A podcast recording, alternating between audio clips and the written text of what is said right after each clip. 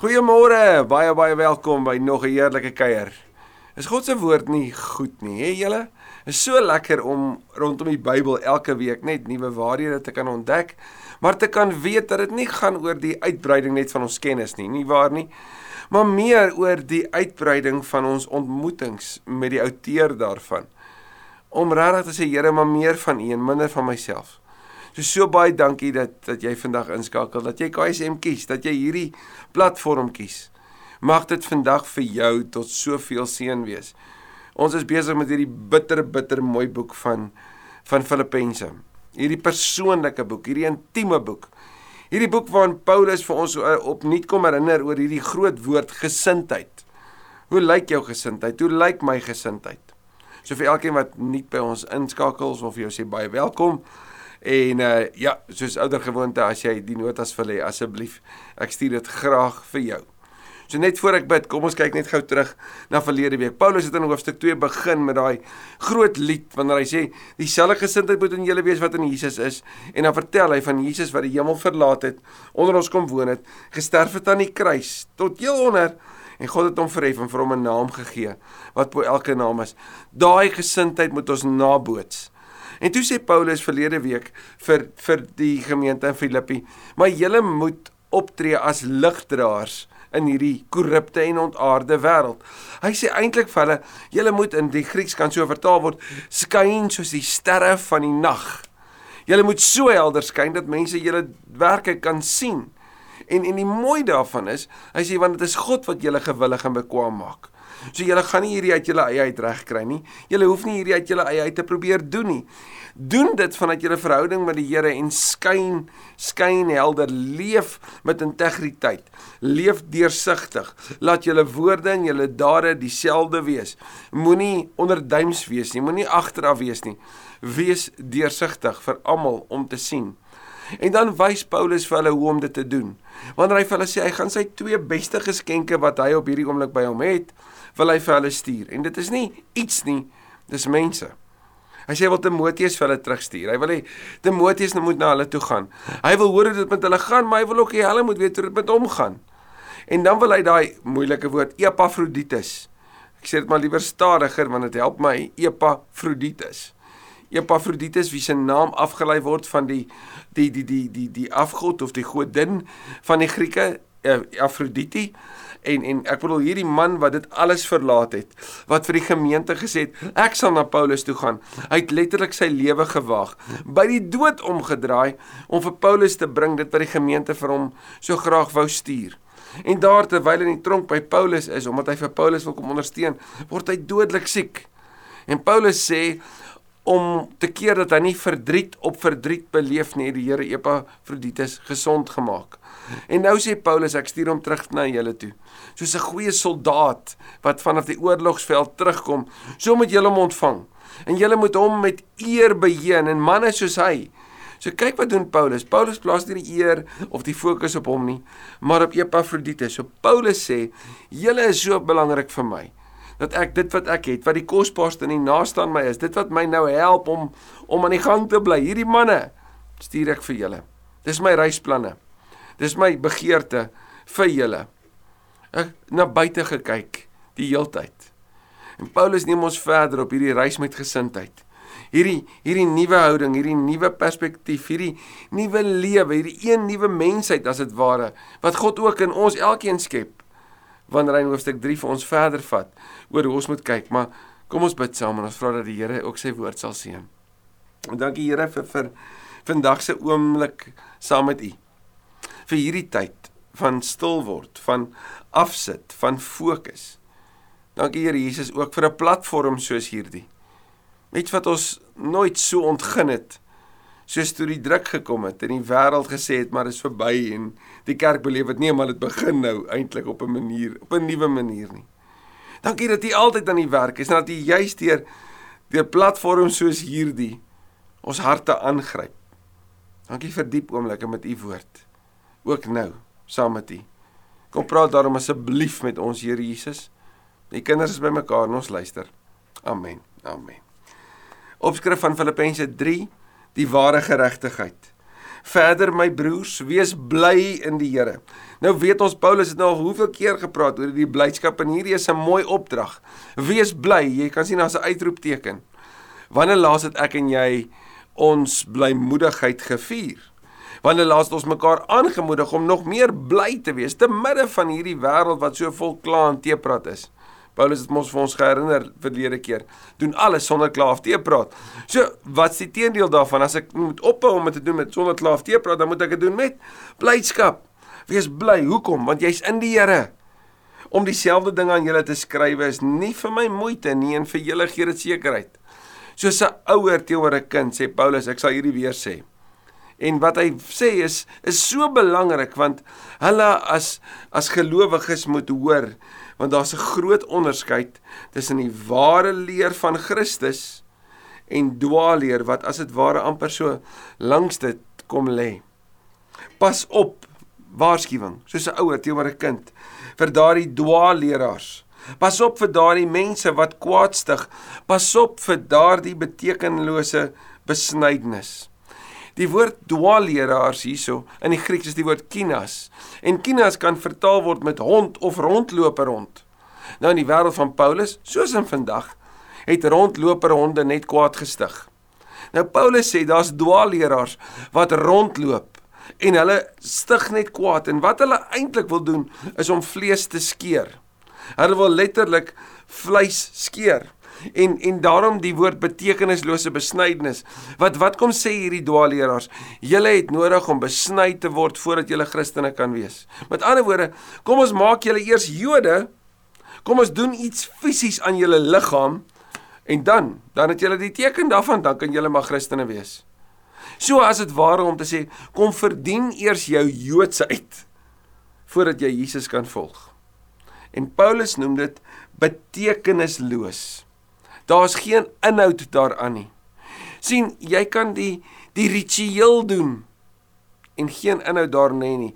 Jy kan die godsdiens pleeg, maar nie dit van harte doen nie. In Romeine 2:29 praat Paulus van die ware besnydenis. Dan noem hy dit die besnydenis van die hart. Mense wat van binne gedraai is na Christus toe. Dit is die ware besnydenis sê Paulus. Dit is die ware gelowiges. Nie mense wat net fokus op die fisiese nie. As jy hoor wat Paulus vir die gemeente in Galate sê wanneer hy praat daar in Galasiërs oor oor die besnydenis, dan sê hy die mense wat hierdie verwarring onder julle onder julle stig, hulle moet liewer hulle self heeltemal ontman. So anderswoorde hulle moet net alles afsny. Want hulle is so besig om soveel verwarring te vestig. En net so julle is dit vandag die dwaalleraars van hulle wat ons wil terugneem na 'n wettiese bestel toe. Hulle wat sê maar as jy nie dit hou nie, nie dit nakom nie, nie by al hierdie wette en op 'n op 'n sekere dag dit op hierdie manier doen nie, dan is jy nie goed genoeg nie. Dis mense wat probeer om deur hulle dade hulle ewigheid te verdien. Paulus sê dis betekenisloos. En dan die belangrike, pas op vir hulle. 'n Ander manier om daarna te kyk is bly weg ons en nou praat Paulus van die ware gelowiges. Ons het die ware besnydenis. En wat is dit? Let mooi op. Ons wat God deur sy gees dien. God wat sy gees in ons geplaas het, nie omdat ons dit verdien het nie, maar omdat hy dit as geskenk gegee het. Hy het mos beloof. Jesus het gesê hy gaan hemel toe en hy gaan die gees stuur en ons gaan krag ontvang want die gees gaan oor jou kom en jy gaan my getuies wees. Ons wat God deur sy gees dien. Romeine 8 vers 9 sê meer hieroor. Ons wat ons op Christus Jesus beroem en nie op uiterlike dinge vertrou nie. Let mooi op dit. Waarin lê jou vertroue? In Christus of op jou uiterlike dinge? In wat hy vir jou gedoen het in jou plek of in wat jy self probeer verdien? Ek het baie gesprekke met mense die laaste ruk oor hierdie kant. Mense wat sê ek's nie goed genoeg nie. Mense wat sê maar wat as ek hel toe gaan? Wat as ek verlore is? Wat as ek nie net nie genoeg gedoen het nie want want ek vind nog sonde in my lewe. Wel, as jy wil weet hoe sondig jy is, probeer eendag regtig goed wees. Dan gaan jy agterkom hoe sondig jy eintlik is. En elke keer wanneer ek en jy gekonfronteer word met ons sonde, moet ons binneste van ons sê ek het 'n verlosser nodig. So draai na die Here toe. Want as jy dit uit jou eie uit kon doen, was Jesus se koms aan die aarde toe mos nie nodig nie. Maar ons kan dit nie uit ons eie uit doen nie. En daarom het ons hom nodig. Paulus sê, ek beroem my op Christus en nie op die uiterlike dinge nie. Hy sê tog sou ek ook op die uiterlike dinge kon vertrou. Kyk wat doen Paulus nou. Hy sê hulle wat dink hulle is so grand. Kom ek sê vir jou 'n bietjie, ek was grander as hulle. Kyk mooi wat hy sê. Hy sê as ek ek sou ook op die uiterlike dinge kon vertrou. As iemand meen dat hy op uiterlike kon vertrou, ek nog meer. Kyk mooi. En hierdie is 'n CV der CV's. Ek is op die 8ste dag besny. Soos Genesis 17 vers 12 ook sê, moet gebeur. Dis wat met elke Joodse seentjie moet gebeur van geboorte 'n Israeliet. So my agtergrond sê ek is deel van God se volk. Uit die stam Benjamin. Benjamin en Juda is die enigste twee stamme wat na die ballingskap teruggekeer het Israel toe. Dis die twee stamme aan wie daar eer toegeken is as die toegewyde gelowiges. Hulle wat vasgehou het aan God. Hulle is hoog aangeslaan gewees onder Israel. So Paulus sê ek kom uit hulle uit. Hy sê ek is 'n egte Hebreër En in wetsopvatting was ek 'n fariseer. 'n Fariseer wat met eer beskou is deur die algemene Jode. In my ywer was ek 'n vervolger van die eklesia, van die kerk, van hierdie beweging van mense wat agter Jesus aangestap het. Hy sê in my ywer het ek hulle vervolg. So mense sou kon sê ek is die beste van die beste. Ek is die room onder die Jode in onderhouding van die wet van Moses om vryspraak te verkry onberispelik. So niemand sou naby my kon kom as dit gegaan het daaroor dat jy probeer het om jou eie ewigheid te verdien, om vryspraak te verdien deur die wet na te kom. Niemand was sy ewig nie gewees nie. Maar kyk wat doen Paulus en, en nou maar bring hy vir ons 'n balansstaat na vore. En hy skuif dit wat aan die batekant was oor na die laste kant toe en met al hierdie wat voorheen bates was, hierdie lang lys wat hy nou oorskuif na die laste toe, teenoor dit skryf hy net een bate. En hy sê hierdie een bate is meer as al daai wat voorheen vir hom waarde gehad het.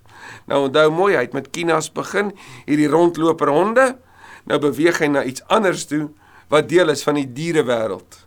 Hy sê maar wat eers vir my 'n bate was, En die Romeine se mos nou weet hulle daar in in, in Filippi van wat dit beteken om te roem in jou status en in jou afkoms, jou jou Romeinse burgerskap. Paulus sê dit wat eers vir my 'n bate was, beskou ek nou as waardeloos ter wille van Christus. En jy sou dit al dalk raak gelees het, maar die Griekse woord hier is baie skerp. Dis die woord skibalon. Dis die woord wat ons sou kon verduidelik met uitskeiding. Dit wat honde op die gras los. Paulus, hoor mooi wat hy sê. Dit wat my status was, my identiteit was, my CV was waarop ander sou kon roem, het nou so min waarde gehad dat dit soos bollie op die gras kon eindig. Beteken vir my niks meer nie. Kan jy sien hoe vry was is Paulus van sy vorige lewe? Hoe anders kyk hy nou na die wêreld en na sy eie lewe en dan veral na Christus. Vers 8 ja nog meer. En weer eens balans staat. Ek beskou alles, alles as waardeloos. So die ganse wêreld as waardeloos. Want om Christus Jesus my Here te ken oortref alles in waarde. Teenoor alles aan die laaste kant is daar een wat meer as is en dit is Christus. Die Hebreërs skrywer sê Jesus is groter as Abraham, groter as Melchisedek, groter as die Sabbat, groter as die wet, groter as die Hoëpriester. Hy is die grootste offer, hy het self die Hoëpriester geword. Jesus is die meer as die groter as hy is die koning van die konings. En Paulus sê hy's die enigste bate wat ek wil hê. Enigiets anders in vergelyking met hom is waardeloos, want hy gebruik hierdie woord ek wil Christus ken. En julle dis die mooi woord in die in die Hebreëus, dis die woord yada. Jy sien yada dan Genesis 4 vers 1 wat wat daar beskryf word dat Abraham het saam met sy vrou Eva yada. Hulle was intiem gewees. Wanneer God sê hy wil hê dat ons hom moet ken, dan is dit daai woord yada. Wanneer hy in Hosea 2 praat van hom as ons man en ons dis as sy bruid, dan is die idee, die begrip daarvan yada dat jy God sal ken intiem, naby. Paulus sê dis wat ek wil doen. Ek wil in hierdie nabye verhouding met die Here leef. En daar's niks, niks so spesiaal, so intiem en so naby soos om hom te ken nie. Bulgeshik het 'n boek geskryf, I Dare to Call Him Father. Dis 'n vroutjie uit Pakistan uit wat haar haar familie, haar land, haar identiteit alles verloor het omdat sy Jesus aangeneem het as Here. En ten tye van die boek wat sy geskryf het, het sy in 'n woonstelletjie gebly saam met haar kleinkind. Hulle as enigste twee gelowiges uit hulle familie uit. En dan skryf sy sy kan alles verloor. Maar sy wil nie 1 sekonde van haar lewe sonder die teenwoordigheid van die Here in haar lewe wees nie. Sy het alles verloor. En tog het sy die Here as die grootste bate gekry. Want sien om God, sy liefde, sy vergifnis, sy teenwoordigheid te kan ken, daar's niks soos dit nie. Niks op aarde, niks wat jy ooit sou kon ervaar wat daarmee kan vergelyk nie.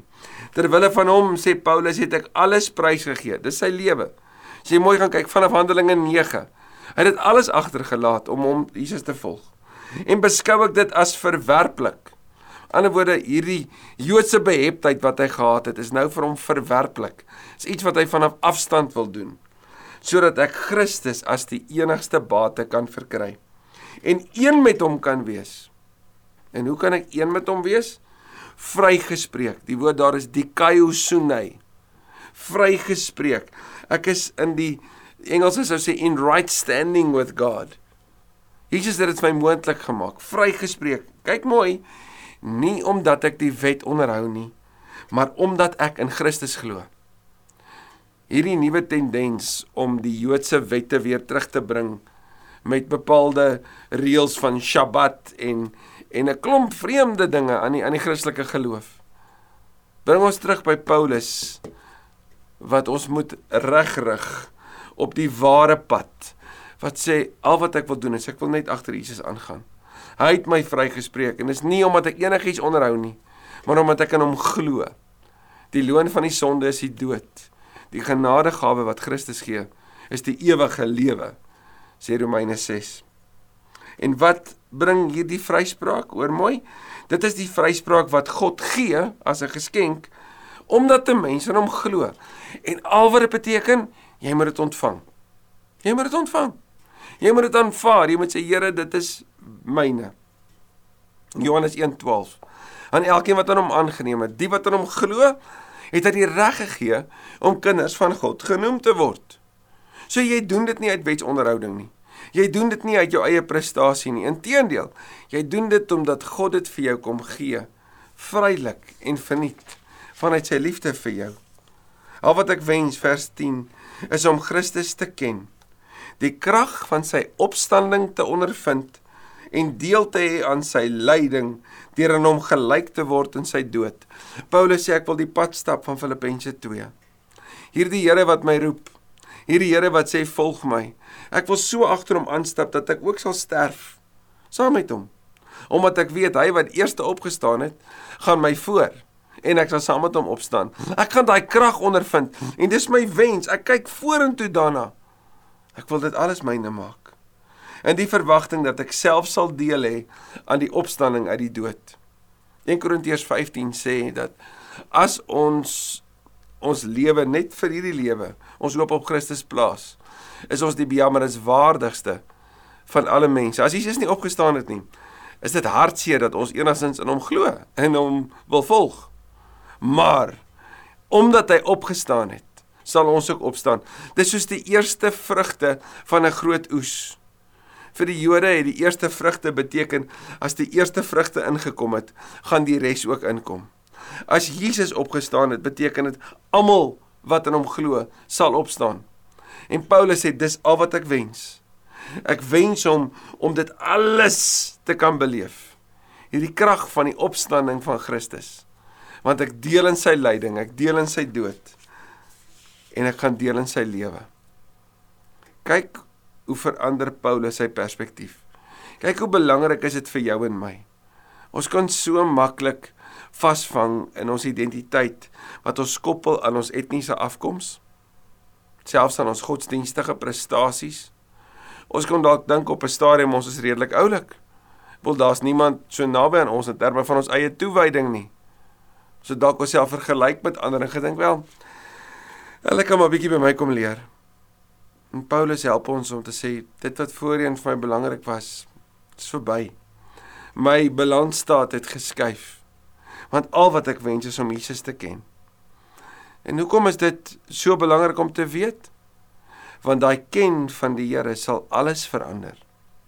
Dit sal verander hoe ek my my konteks sien, my rol op aarde sien, maar meer nog my perspektief na dit waarheen ek op pad is.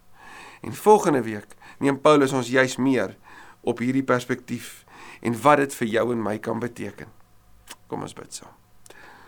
Dankie Vader dat ons in hierdie dag, hierdie oomblik juis u woord ook vir ons kon hoor. Dankie vir hierdie belangrike waarheid van Paulus se einde. Here van dit wat vir hom verwerplik is, wat agter staan en dan dit wat sy hinkering is, sy grootste wens is.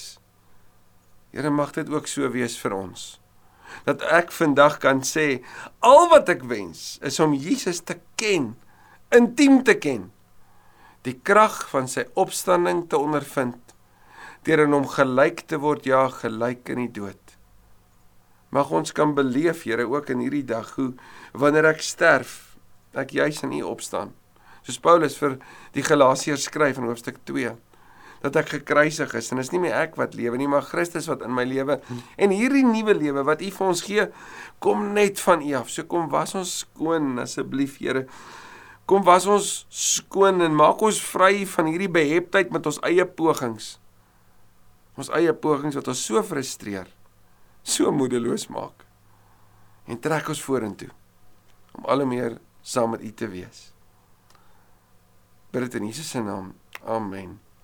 Amen. Gaan dink vandag gerus verder oor hierdie belangrike waarheid van eie pogings, selfprobeer, selftrots teenoor vertroue op die Here en die kennis van die Here op so 'n intieme vlak sal ons lewe verander. Ek hoop jy het 'n mooi week.